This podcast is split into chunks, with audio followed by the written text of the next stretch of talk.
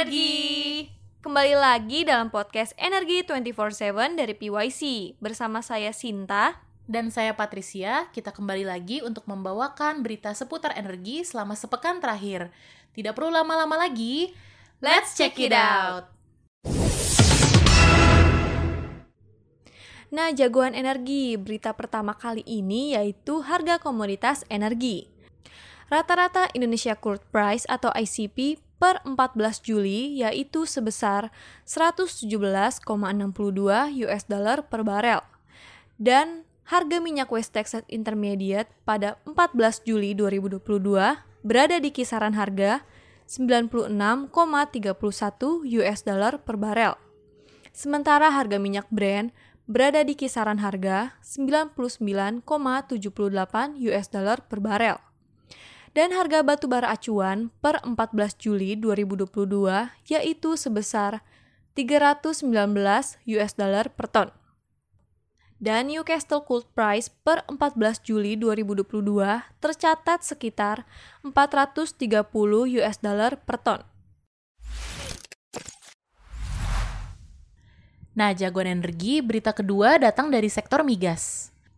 Potensi harta karun migas yang perusahaan Inggris temukan.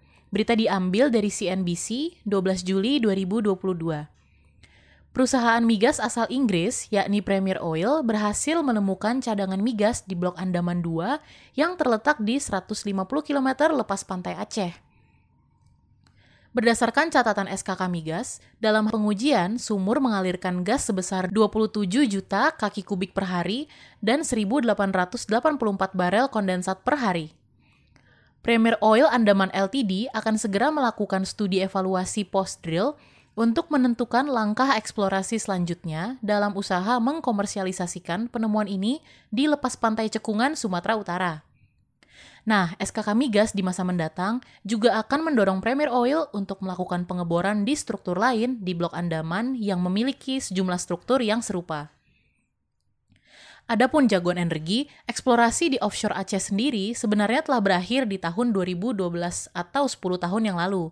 Namun, Premier Oil kembali melakukan eksplorasi setelah melihat potensi yang sangat baik di Blok Andaman 2. Nah, berita kedua dari migas yaitu Rusia tutup keran ekspor gas. RI jadi penyelamat Eropa. Berita dikutip dari CNBC Indonesia 13 Juli 2022. Pada hari Senin, 11 Juli 2022, Rusia mulai menyetop aliran gas di pipa yang membawa gas ke Eropa.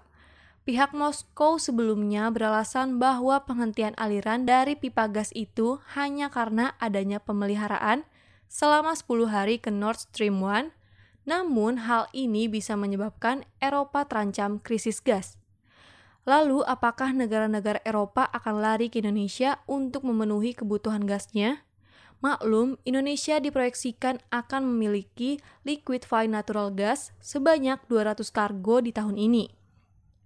Sekretaris SKK Migas Taslim Z Yunus menyatakan bahwa negara-negara Eropa tersebut cenderung memilih Timur Tengah dan Afrika untuk memenuhi kebutuhan gasnya karena lebih dekat dan murah bagi mereka.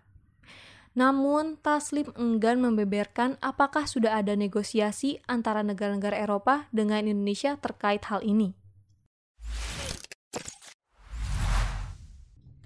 Nah, berita berikutnya datang dari sektor minerba.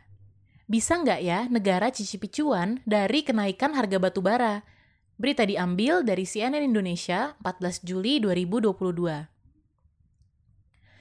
Perang Rusia-Ukraina masih terus bergulir. Ironisnya, perang kedua negara itu mempengaruhi perekonomian global, salah satunya krisis energi yang membuat harga komoditas naik, seperti salah satunya adalah batu bara. Demi mengatasi krisis energi, beberapa negara seperti Jerman, Belanda, Italia, dan Austria, mereka semua membatalkan rencana penutupan pembangkit listrik tenaga batu bara. Ini artinya pesanan batu bara pun akan segera meningkat. Sebagai pengekspor batu bara terbesar di dunia, Indonesia tentu diuntungkan karena bisa memenuhi kekurangan pasokan di Eropa. Direktur Eksekutif Asosiasi Pertambangan Batubara atau APBI, Hendra Sinadia mengatakan, beberapa perusahaan sudah mengirim lebih banyak batu bara ke Eropa sejak bulan Maret lalu.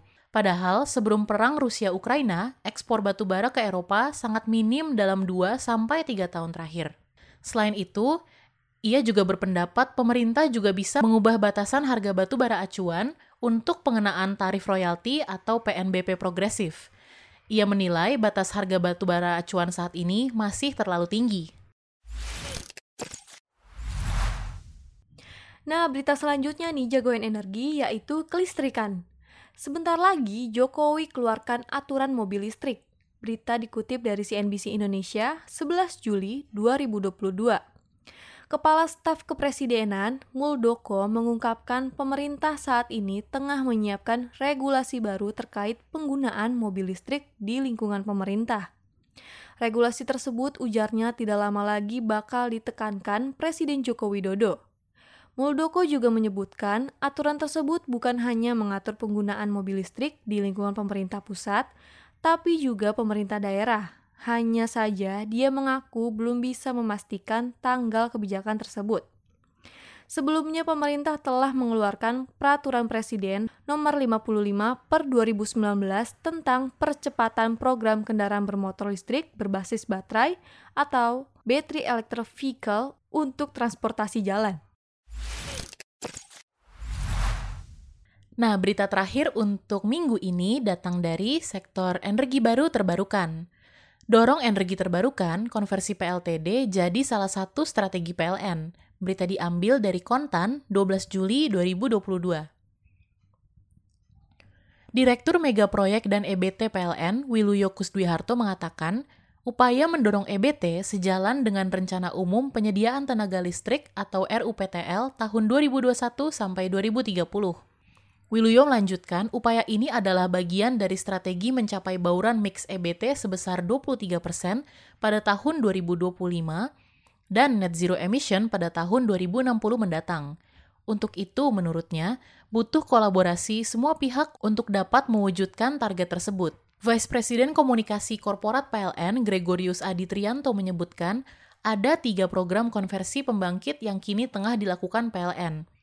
Program yang pertama, yakni konversi pembangkit listrik tenaga diesel atau PLTD ke PLTS baterai atau pembangkit EBT lainnya sesuai ketersediaan energi setempat. Program yang kedua adalah penggantian PLTD existing dengan pembangkit gas. Selanjutnya yang ketiga adalah penggantian PLTD dengan cara melakukan koneksi sistem-sistem isolated ke grid PLN. Pada tahap pertama dilakukan pada PLTD dengan total kapasitas 212 MW yang akan dihybrid dengan pembangkit listrik tenaga surya atau PLTS dan baterai. Lalu pada tahap kedua, PLN akan melakukan konversi PLTD sisanya dengan kapasitas sekitar 287 MW dengan pembangkit EBT yang lainnya. Nah, selanjutnya PLN juga akan melakukan konversi model lainnya yaitu dengan melakukan penggantian PLTD dengan pembangkit gas dan juga dengan melakukan interkoneksi sistem-sistem isolated yang selama ini ditopang PLTD menjadi terkoneksi ke grid. Nah, sekian dari Energy 24/7 minggu ini. Jangan lupa untuk follow semua sosial media PYC. Ada Instagram, Twitter, LinkedIn, dan Facebook. Dan juga ada YouTube channel PYC. Nah, udah dulu ya jagoan energi. Stay safe and see you next week.